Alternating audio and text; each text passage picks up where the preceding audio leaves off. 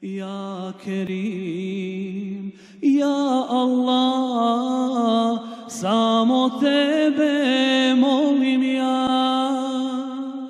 Zači moja duša žudi u džennetu tvom ima.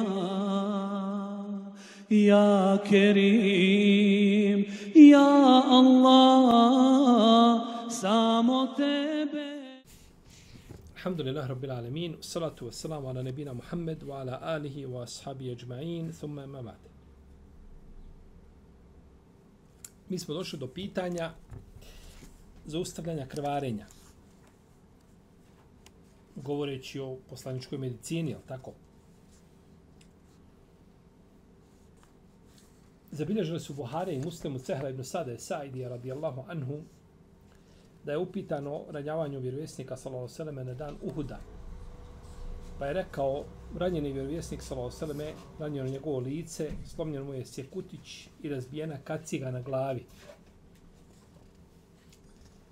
Fatima je tom prilikom sapirala krv, a Alija je držao posudu s vodom. Kada je Fatima radijallahu ta'ala vidjela da neće tako zaustaviti krvarenje, naprotiv, krvanje, krvarenje se pojačalo, kaže, uzela je jednu hasuru, spalila je, dok nije sva postala pepeo, pa je taj pepeo posula na ranu i tako je zaustavila krvari. Znači, imali su oni metode i načine, ali tako, kako zaustaviti krvarenje, kako se liječiti, ako ne može jedna metoda, može druga. Ljudi su od davnih vremena, znači, poznavali različite metode a, kada je u pitanju liječenje općenito. Šehol sami Ibn Kajim kaže veliki efekat u zaustavljanju krvarenja iz nosa ima pepeo koji se unosi u nos drve. Pepeo može biti pomiješan sa sirćetom ili ne pomiješan, dok doktor Muhammed Enesimi u svome dijelu Tibu Nebaui je djeta, detaljno je pojasnio kako, kako pepeo utječe na oštećene krvne sudove i kako dolazi do zaustavljanja krvarenja u tom slučaju.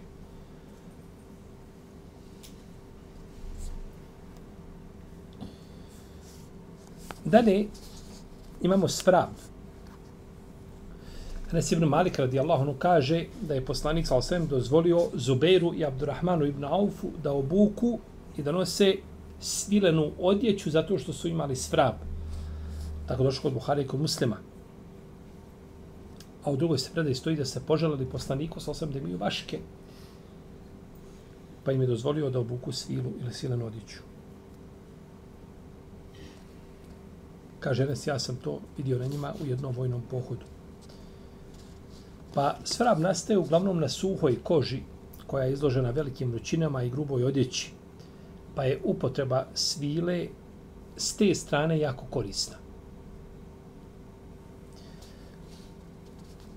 I tim prije što upotreba silene odjeće ne pospješuje razmnožavanje vašeg.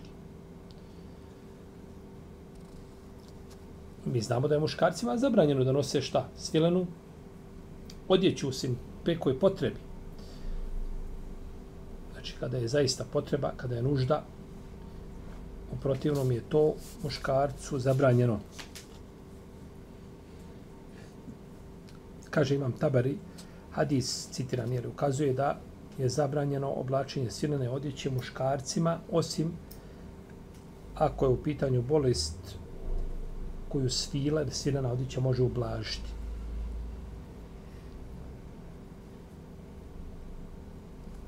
Ova olakšica nije vezana samo za Abdurrahmana ibn Aufa i Zubeira, radijallahu nego je vezana općenito za sve ljude.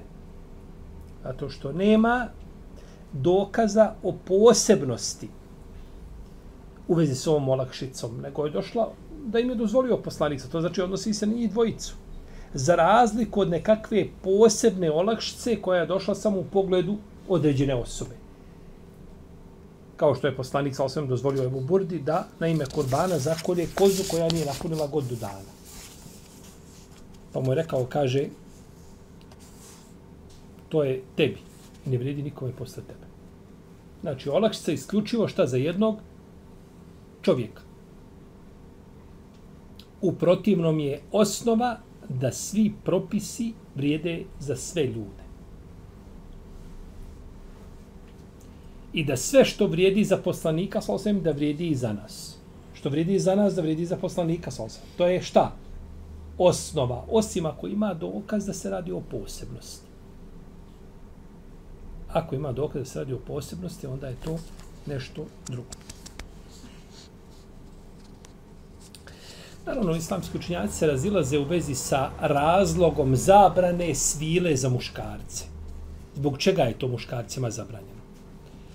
Pa, jedni smatraju da je to namijenjeno isključivo ženama, kao i zlato. Jer, kaže poslanik, sa osam svila i zlato zabranjeno su muškarcima iz moga umeta, dozvoljeno su ženama i uzeo jednog dana stilu u jednu ruku, a zlato u desnu ruku i rekao, kaže, ovo je zabranjeno muškarcima moga umeta, dozvoljeno ženama. A drugi smatraju da, da, da, da se to ne čini, da je to zabranjeno, da bi se izbjeglo oponašanje žena u pogledu odjevanja ili ukrašavanja.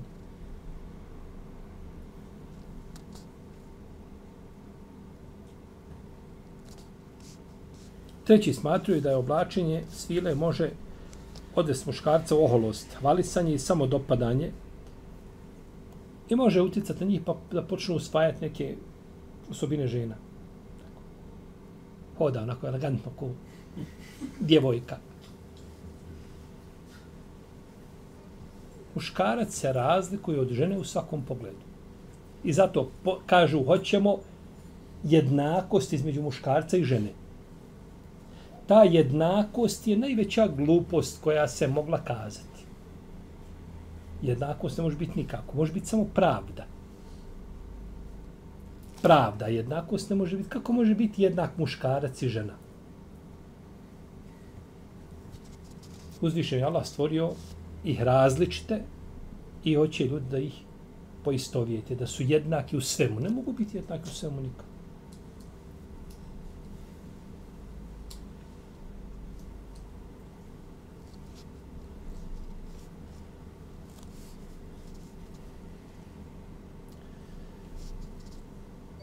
Nema širijetske smetnje na domjesti izgubljeni dio tijela zlatnim ili vještačkim pomagalom ako ne postoji drugo rješenje.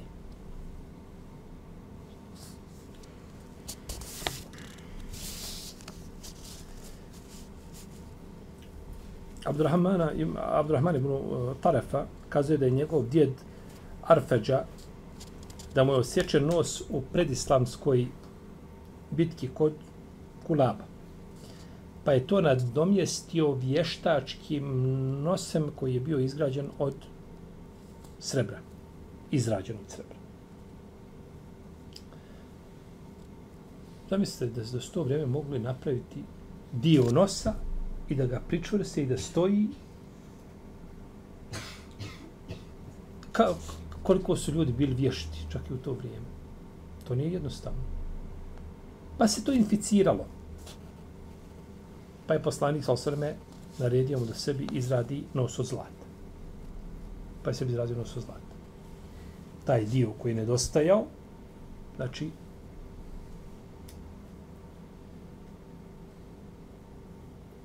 ako ne postoji drugi način, onda je dozvoljeno znači da to bude čak i od zlata.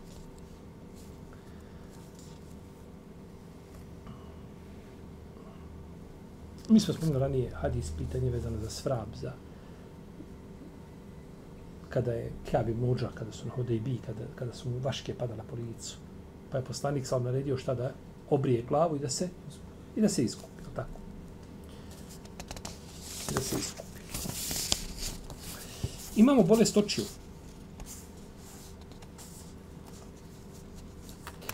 U sunetu sa poslanika sa osam navodi da je preporučio ljudima da koriste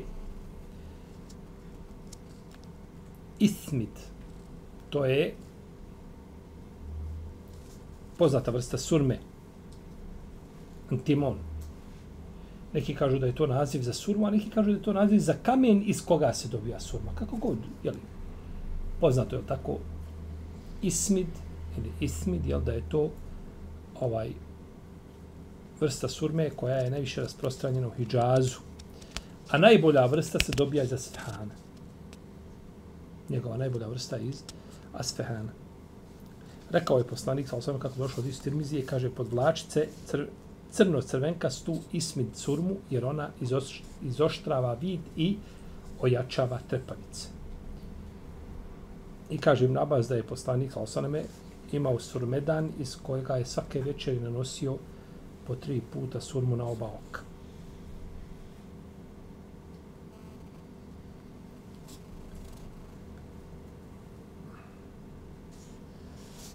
Ibn Abbas radi Allah, prenosi da je poslanik sa osaname rekao najbolja surma je surma ismid iz oštrava vidi jača trepavice.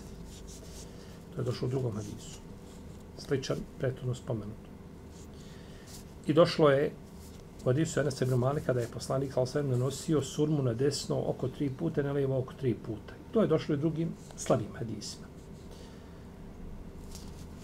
Kaže šehol Islam ibn Kajim, kaže Ismid jača oko i očne mišiće te čuva vitalnost oka.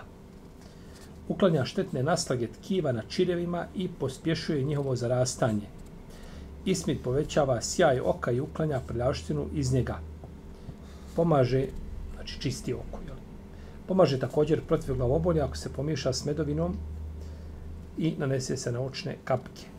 Ismid je najbolja vrsta surme, a posebno je korista za starije osobe i osobe čiji je vid oslabio. Čiji vid isto oslabio. Ima Ibn Džouzi, ima djelo koje zove Ahbarul Azkija. Rivajeti koji se prenose od pametni ljudi. Sakupio rivajete ljudi koji su bili ovaj onako nadprosječno pametni ili inteligentni, slično tome. Kaže da je došao jedan čovjek kod jednom, le, jednom lekaru i poželio se na bol u stomaku. Boli me stomak. Kaže, šta si jeo? Kaže, jeo sam izgorjelu pogaču pojeo. Pa je zatražio lekar bočicu sa surmom, surmedan, da mu namaže očne kapke. Kaže, doktore, ja nemam problema s očima, ja imam problem, kaže, stomak stomak me boli. Kaže, znam dobro, kaže, šta te boli, kaže, ovo je, kaže, da bolje vidiš pa da više ne pojedeš ono što spoji. Da gledaš bolje, imaš ti problema i sa vidom.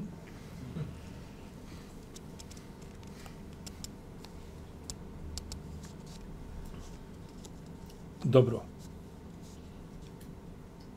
Smiju li muškarci, mogu li muškarci koristiti surmu za uljepšavanje? On pođe na svadbu i navuče sebi surmu. Oči zdrave, on vidi ko orao. Ne treba mu ništa, nego radi uljepšavanja. Ili to samo za žene? Predmet je razilaženje među lemom. U lema se razilo zvezi s tim, prije, prije da će biti da muškarci koriste surmu samo u svrhu liječenja. Ovdje se navodi u Hadisu Ibn Abasa, kaže se koristio je svake večeri. Da li je to bilo svake večeri cijelog života? Nije to prenela Ajša tako koja je bila. Poslije mogućno da je poslanik sa imao potrebu da to koristi. Jer je to prvenstveno svojstvo žena da se tako uljepšavaju. Međutim, ko bi to radio, imao bi osnovu šta u hadisima. Imao bi osnovu. Ali prije da će biti da, da, da, da to muškarci koriste samo za sve liječenja. Tako. Jer razlikuju se a, to ukrašavanje muškaraca i žena razlikuje se, tako? Pa kada dođe tako lijepo sa sunom, može ga neko i zaprositi, tako? To je za žene. Ali eto, postoji razilaženje šta među činjacima. Dobro. Mi ćemo a, sada ćemo početi otvoriti a, poglavlje koje se tiče tajanstvenog svijeta džina. pošto ćemo govoriti, imat ćemo jednu skupinu predavanja vezani za rukju.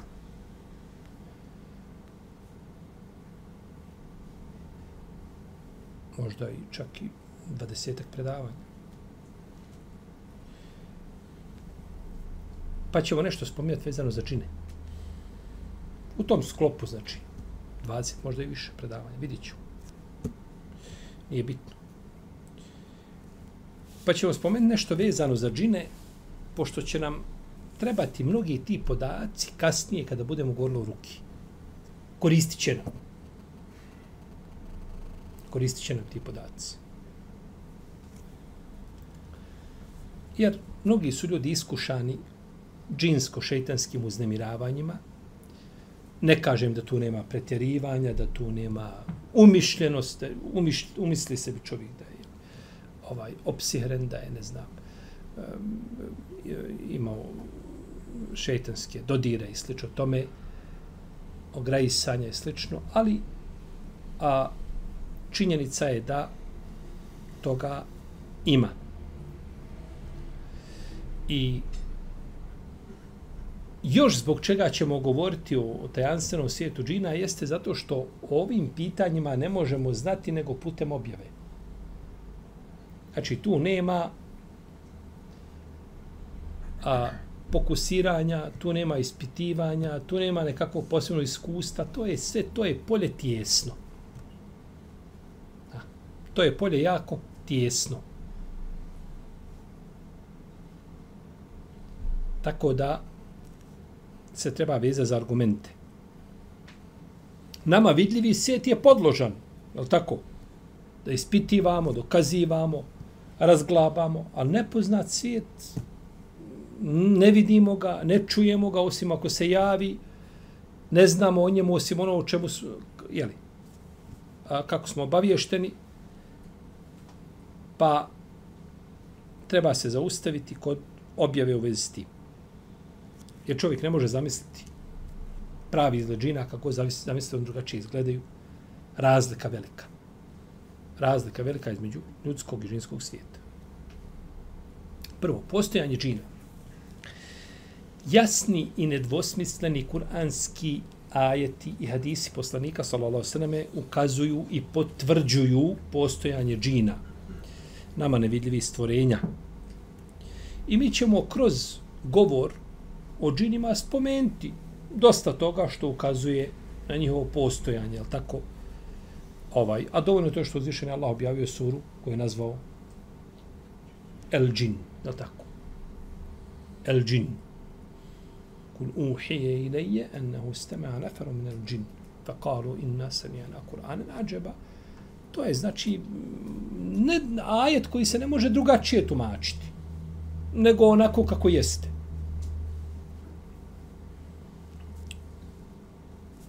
I ljude i džini nisam stvorio nego da me obožavaju. Ljude i džine.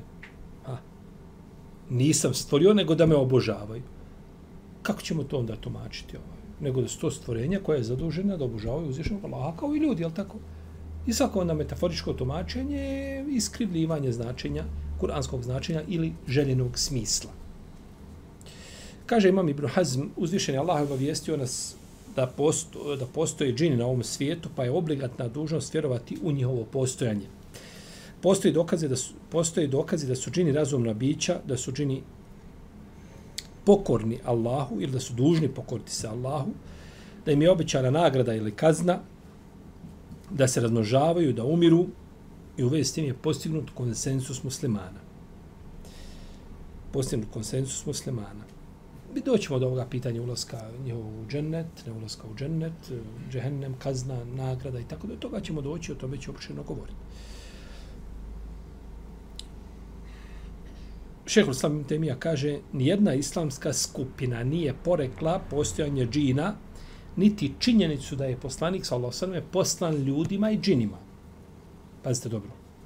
Nijedna islamska sekta to nije pore, skupina nije porekla, bolje kazu. Skupina, ne sekta.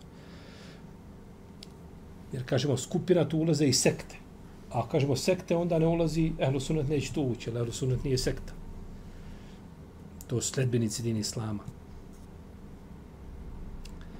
Većina muslimana potvrđuje postojanje džina, a što se tiče, kaže, jevreja i kršćana, oni vjeruju u postojanje džina.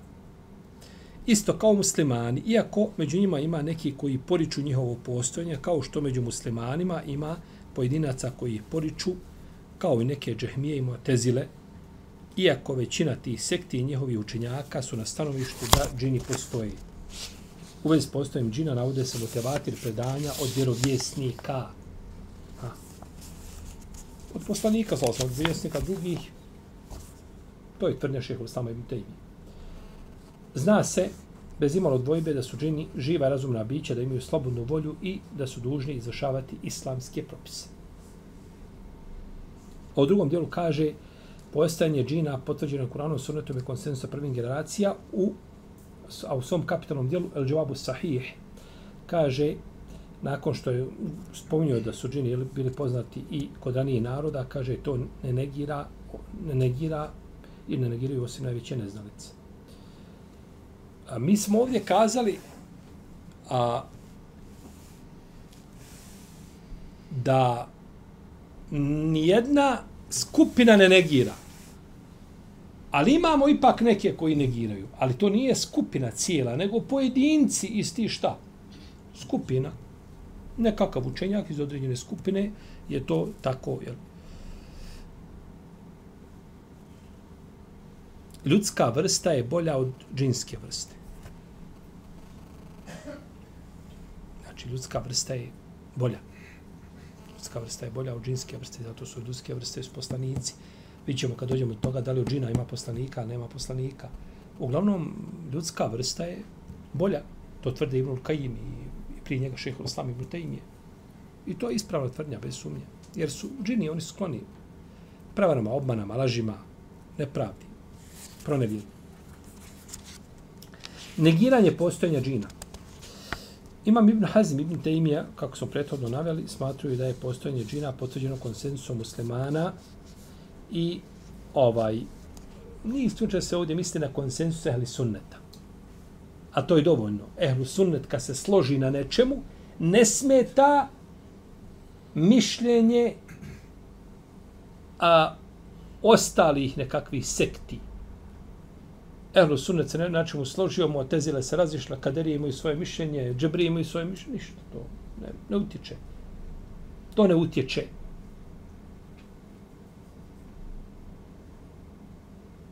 Na šta? Na konsensus. To ne utječe na konsensus. Jer je mjerodavno ono što kaže Hrosunnet.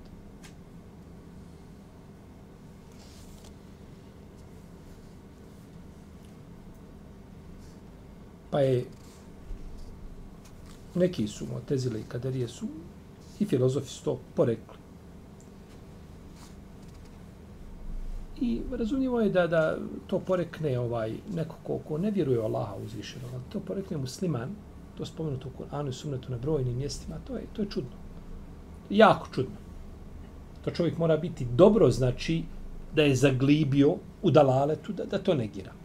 Razumijem tamo negdje gdje postoji mogućnost dvosmislen govor došao, pa se ulema razišla, jasno, jeli.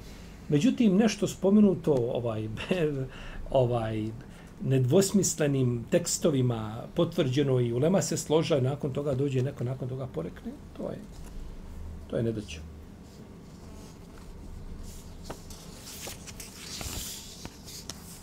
Mnoge kaderije iz prvih generacija su vjerovali u postojanje džina, ali su oni na potunji koji su došli u potonji generacijama, oni su to, oni su to počeli negirati. Kaže Ebu Kasim Ansari, većina mu atezila porekla je postojanje džina što ukazuje na blijedost njihove vjere. Međutim, Zemahšari, on je glava etizala. Jedan od najvećih autoriteta, on potvrđuje u svojom tesiru, potvrđuje. Jasno potvrđuje postojanje džina, znači nije tako da ovo tvrdnja da većina njih to negiraju, a kako god da bilo, većina, ne većina, Mu'tezila ne ulaze u, u ovaj, e, u, u, jeli, u a, njihovo razilaženje sa ehlu sunnetom nije, nije mjerodavno. Bito je na čemu se slože imami ehlu sunneta. To je isto kao u jednoj bolnici, na bolnica ima gore 300 hirurga. Svi se složili po pitanju određenog pacijenta da mu treba taj, taj terapija. I dole onaj portir kaže, ja se ne slažem. Ništa ti. Allah te poživio. Radi svoj posao. Nisi ti, ne možeš ti dobaciti toliko da utječeš na mišljenja tih gore velikana. Tako je poprijatno sunnet. Jer ehlu sunnet se poziva na kitab i na sunnet. Poslanika sa osrame. I na konsensus, je tako? A nakon toga mišljenja, tako, ljudi su porekli, otišli, je tako, svako svojim putem, ali je mjerodavno ono što je došlo u Kur'anu i u sunnetu. Imam Subki kaže da imam El Džuvejni, Ebul Me'ani, da je rekao, kaže, da su neke motezile porekli postojanje džina. Čudno je, kaže, da, pore, da postojanje džina poreklo neko vjeruje u Kur'an. Kako možeš vjerovati u Kur'an i poreći postojanje džina? Imam Šelebi kaže, postojanje džina nije porekao niko osim male skupine filozofa, neznalica, neki koji se bavili medicinom i njima sličnih. A Imam Kurtobi kaže, neki nevjernici iz reda lekara i filozofa porekli su, porekli su postojanje džina. A, jel tako, oni koji svoj razum, razum daju razumu prednost nad šerijetom. Pa on vjeruje ono što je vidio, ono što razum dokući, jel tako, a sve tamo nešto mimo toga. Imam Demiri kaže, teško objediniti sve hadise, arapsku poeziju i priče ljudi u vezi sa džinima i šeitanima poricanje njihovog postojanja u stvari je oholost kojom se negira činjenica potvrđena mu tevatir predanjima. Jako bitno. Tevatir predanjima. I stoga je propis onaj ko poriče postojanje džina to je prvo strogo zabranjeno zbog ajeta i hadisa tako i konsensa ili sunneta a pa je poricanje ili metaforičko tumačenje. Jer metaforičkim tumačenjem ti to stavljaš van snage. Ti kažeš, dobro, ne, džini fakat imaju. Dobro, šta su džini? Kaže, to su virusi. I bakterije. To su džini. To je metaforičko batil tumačenje. Ti si stvarnost, on nije porekao, nije porekao šta? Postojanje, onaj ko pore kaže nema džina, a potvrđuje, to je čin nevjerstva, to je završeno. Tu ti ne može, ne možete niko amnestirati. Nijedan muftija te na zemlji ne može amnestirati, kaže ne postoje džini. U Kur'anu znaš da je spomenuti, sunneti i tako dalje i kažeš ne postoje. To, to je nevjerstvo. Međutim, čovjek kaže ne, ne, postoje džini, a to nisu nikakva stvorenja. Nešto. To su bakterije, virus, to ne znam džini. Ne, i to, i to metaforičko tumačenje, to je isto. Rezultat je jedan. Ti si negirao stvorenja koja je stvorio uzvišeni Allah Azzawajal. Allah Azzawajal stvorio bakterije, viruse da ga obožavaju i da, ovaj, da, da mu pokorni budu i njima došla objava. Pa je to ovaj opet mijenjanje stvarnosti.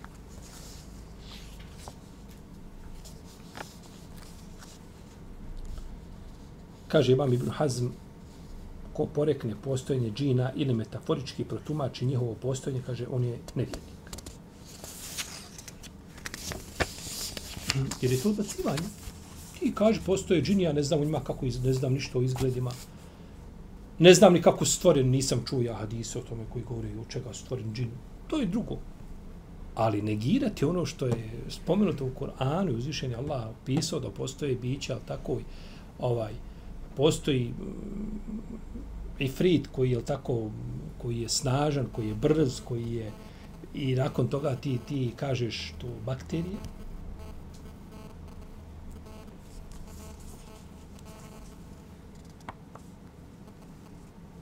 Kaže imam Ibn Kutejbe Dinevori, kaže poricanje džina i šeitana praksa je otpadnika i filozofa koji nazivaju Eddehrije. Eddehrije, Ed-Dehrije, jel? A nije praksa muslimana. Ibn Taymije kaže, budući da se u vezi s postojem džina navode motivator predanja od vjerovjesnika, a koja su poznata učenim neukim ljudima, nijedna vjernička skupina koja vjeruje u poslanike nema pravo da porekne postojanje džina.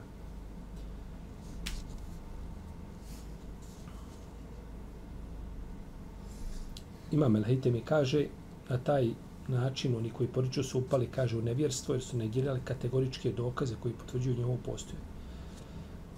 Tako je kaže Alusi da je to nevjerstvo što nikome nije skriveno. I, ja.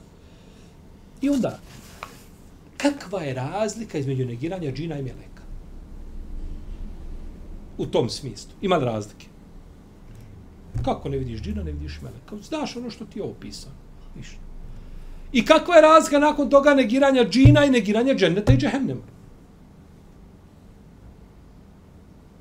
Šta je džennet? Nema džennet. Negiranje. Ili da kažeš, ne, fakat postoji džennet.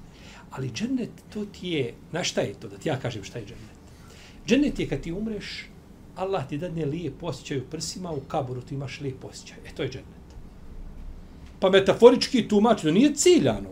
Džennet je Allahovo stvorenje u koje će ljudi ući nakon obračuna. I Allah nam opisao u džennetu šta ima i poslanik u hadisima nešto nam od toga opisao. I mi smo dužni da vjerujemo, iako ne znamo kakvo će toga. Može li neko zamisliti e, kako to izgleda dženecko drvo? Ha? Šta se kaže u hadisu? E, u dženetu ima što oko nije vidjelo, uho nije čulo i ne može pasti na razum čovjeku. Ne, to ne može dobaciti toliko. To su ljepote, opisane su ti i dužan si da vjeruješ u te ljepote. Ali ne možeš zamisliti. Ne, ne, nisi toli, toliko, ovaj, nema e, čovjek takav razum da može dokučiti ljepote dženeta. Ali je dužan da vjeruje u taj gaib.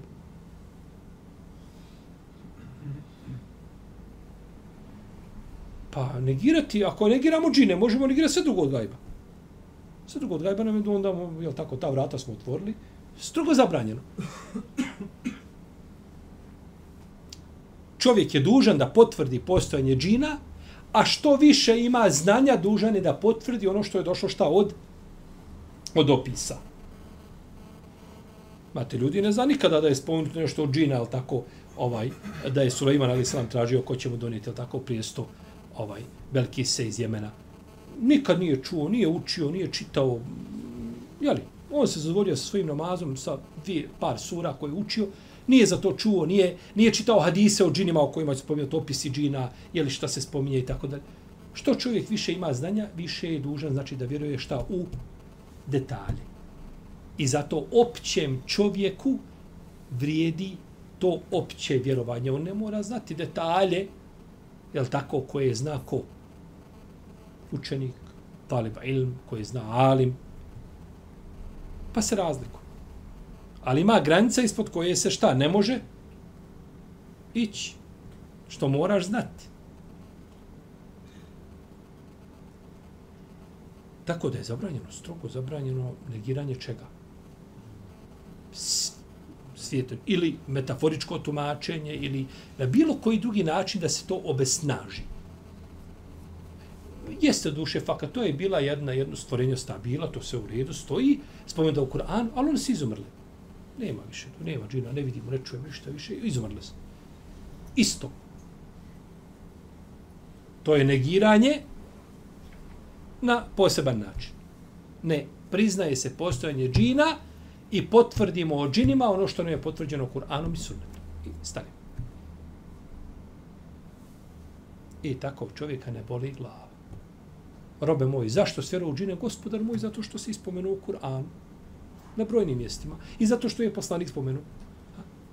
Zašto si rekao da su džini slušali Kur'an? Pa zato što su došli slušali. I zato sam rekao da je Mohamed poslan kome i džinima. I zato što se umet složio, kako ćemo doći nakon toga, konsensu učenjaka je uspostavljen tome da je poslanik poslanik ljudima šta i, i džinima. I tako druge, druga pitanja koja se tiču koga? Džina. da se mogu preobličiti, kako mogu preobličiti, Allah poslanik objestu u hadisku kod muslima, tako da je došao onaj momak kada je bio eh, kada, je, kada su bili u bici, pa kada je dolazio da, da obiđe mladu. Do, doćemo do toga. Znači, potvrdim ono što je potvrđeno u Koranu i u sunnetu, i to je, izvršio sam svoju obavest, to se od mene traži. A sad, kakva metaforička tumačenja i ovaj, Eh, ovaj pokušaj da se izmijeni stvarnost, stvarnost ovaj šerijatskih tekstova, to je to je za, to je jako klizav teren i evo vidimo ovdje da kada čovjek može čak i u nevjerstvo da upadne negirajući postojanje džina i, i, ili nekakvim posebnim jer ovaj izvitoperenim tumačenjima tog značenja. Ibn Taymiya kaže rahimahullahu ta'ala da je naš šerijat više tretirao postojanje džina i detaljnije objasnio njihovo stvaranje i tako dalje, nego drugi vjerozakonici. To zna, vjerojatno šehol samo on izučavao puno tako druge ovaj religije i njihove stavove, pa je poredeći to došao do tog, za, iako to nije od vitalne važnosti, ali eto, ovaj, nama je znači pojašnjeno nešto što nije bilo pojašnjeno šta drugima.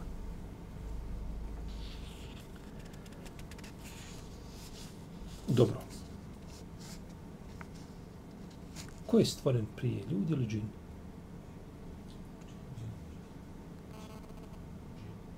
Džin. Ha?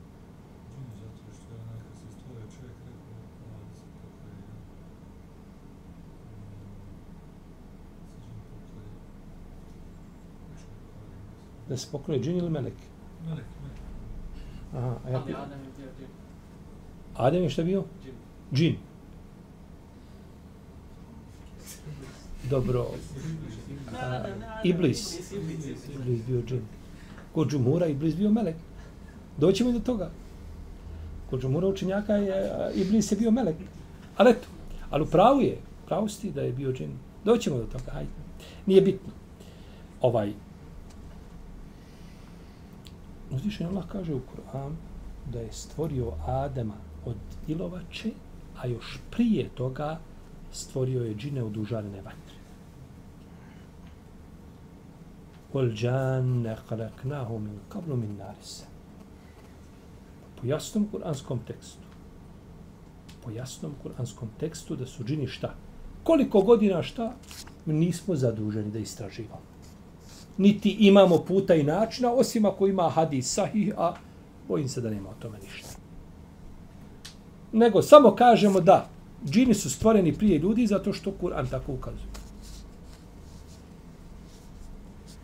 Kaže Aisha radijallahu anha da je poslanik sa osaleme rekao kako došao od iskod muslima, kaže, meleki su stvoreni od svjetlosti, a džinu su stvoreni od plamena vatre, a čovjek je stvoren od onoga što vam je rečeno. To jeste šta od? Od zemlje. Dodatni podatak. Džini su živa bića, stvoren da obožavaju Allaha, i Allah je stvorio od šta? Od plamena vatre.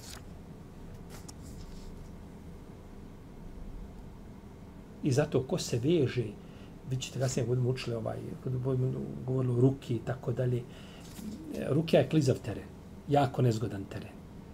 I kada se zaobiđu tekstovi šerijetski i pristupi se pokusiranjima i iskustvu,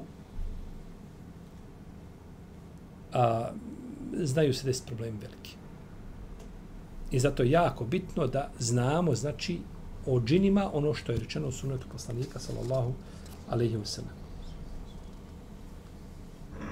Džini džini, kako džini, imaju li džini organe kao i mi? Pokušavam sad zamisliti kako bi jedan džin mogu izgledati, kako ifrit može izgledati. Imaju li oni organe?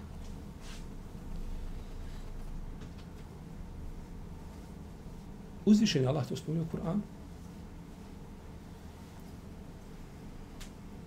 Kaže ولقد ذرأنا لجهنم كثيرا من الإنس والجن لهم قلوب لا يفقهون بها spominje da imaju šta? Srca.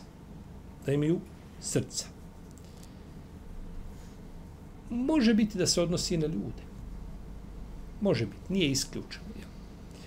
A po spoljašnosti bi se odnosili na jedne šta i na, i na druge. Imaju srca, a njima ne svaćaju. Imaju oči, a njima ne vide.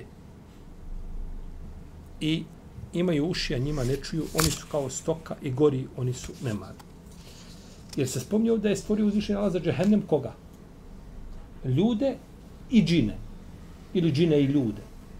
I onda opisuje zbog čega su oni šta? Džehennemlije. Zato što imaju srca ne svaćaju. Oči ne vide i uši kojima ne čuju. Ne ljudi, a nisu džini. Tako, tumačenje nije, nego, nego je vezan je ovaj razlog zbog koga su u džehennemu, vezan je i za jedne šta i za, i za druge. Pa bi na tako potvrdili da, da i džini imaju šta? Neke organe, je tako? Čula, koja imaju, je tako? Ljudi.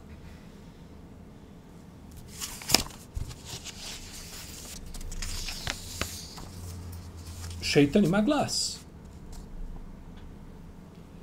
Uzvišen Allah kaže i zavodi svojim glasom koga možeš. Ostetiziz meni stepate min hum bi sautik.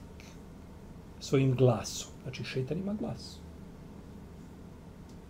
A šeitan je džin. Po ispravnije mišljenje. I na bici na uhudu šeitan je povikao iz sve glasa ubijen je Muhammed. Želeći tako unijeti nered u muslimanske, u muslimanske redove.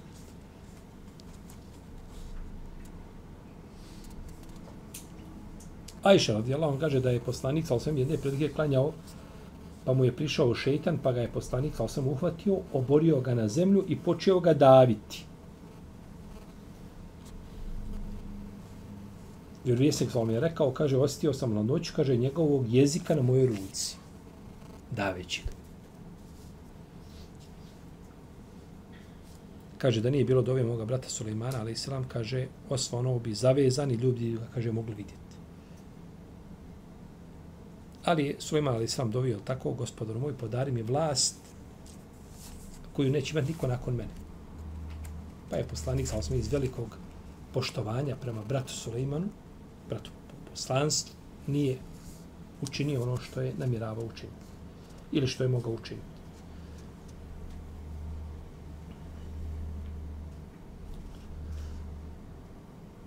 Džabir ibn Sebona kaže da je, kaže, klanjali smo jedne prilike sa poslanikom, sal sam jedan od propisani namaza, pa je stisnuo svoje ruke u namazu.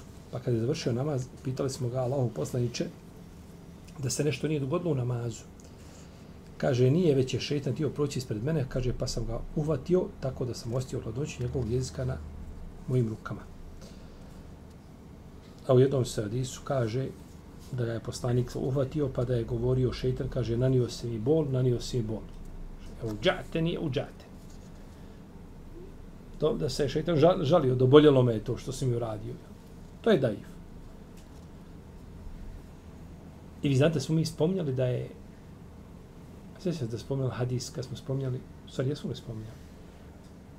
Kada je poslanik objedovo, pa kada je došla ona djevojčica, pa usred hrani rukom. Smo spominjali to? Nismo. Nismo. A poslanik je bio jednog dana sa ashabima, kao kaže Huzeifa, kaže, Pa kada bismo, kaže, mi jeli sa njim, objedovali, kaže, niko ne bi spustao svoju ruku dok poslanik to ne počne.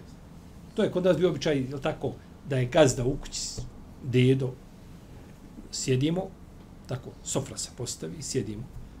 To ovi znaju možda stari malo. Ono. I nema vas plaho. Ovaj, I kada se jede, niko ne, dok dedo ne sjedne i ne uzme kašiku i ne počne, niko ne, ne dira ništa bio taj običaj. I kada počne dedo ili babo, ko je već ovisno, ko je gazda, onda i drugi počinju. Ne prije toga nema ništa. E sada kažu, kada bi poslanik zapružio ruku i da jede, kaže, onda bismo imi nakon toga. Kaže, pa je, kaže, jedne prilike prišla jedna curica, kaže, ko da je neko tjera, kaže, i, kaže, svoju ruku pravo u hranu. Pa je poslanik uzeo za ruku. Pa je došao jedan beduin na isti način. Ko da ga neko tjera, kaže i on, pravo. Beduin, jeli čovjek. Drugačiji su maniri. Odmah na sred. Pa kaže poslanik, ali kaže, šeitanu je zaista onemogućeno da jede hranu preko ispojmene Allahovo ime. On je, kaže, došao s ovom djevojčicom i preko nje htio sebi omogućiti hranu. On ne može, spomenuta bismila, ali će on preko nekoga, je tako? Pa je, kaže, došao i s ovim beduinom, kaže da bi sebi omogućio hranu. Kaže, tako mi on ga u ruci je moja duša, njegova ruka je zaista u mojoj ruci s njenom rukom. Njegova ruka, šeitanova, je u mojoj ruci sa rukom, šta djevojčice uhvatio za ruku i djevojčicu koga i šeitan. Pa je potvrđeno da šeitan ima šta? Ruku. Hadis kod muslima. Kakva je ta ruka? Ne znamo niti, niti možemo, niti imamo puta i način da saznamo. Niti nam to treba. Da nam je to trebalo, uzdišenje Allah bi nas obavijestio to. Pa znači, je li tako? Šeitani.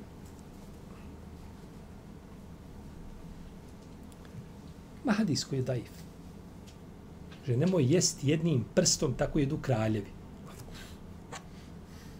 Kraljevi jedu jednim prstom. Nemoj, kaže, jest sa dva prsta, tako jedu šeitani. Nego jedi sa tri prsta, tako je sunnet. Pa da je hadis sahih, bio bi dokaz da šeitan ima šta i prste. Ali hadis daif. Hadis je daif, pa ne može biti dokaz jer ga bilježi ga Ibn Džouzi sa izrazito slabim lancem prenosilaca. Tako da, znači, šeitan je opisan, džini šeitani su opisani određenim opisima koji su došli ili u Kur'anu ili u sunnetu poslanika sallallahu sallam a mi ćemo nastaviti što da o tome govoriti u našem narodu. Te da vam Allah ta'ala nam sallam ala nebina ala nebina ala nebina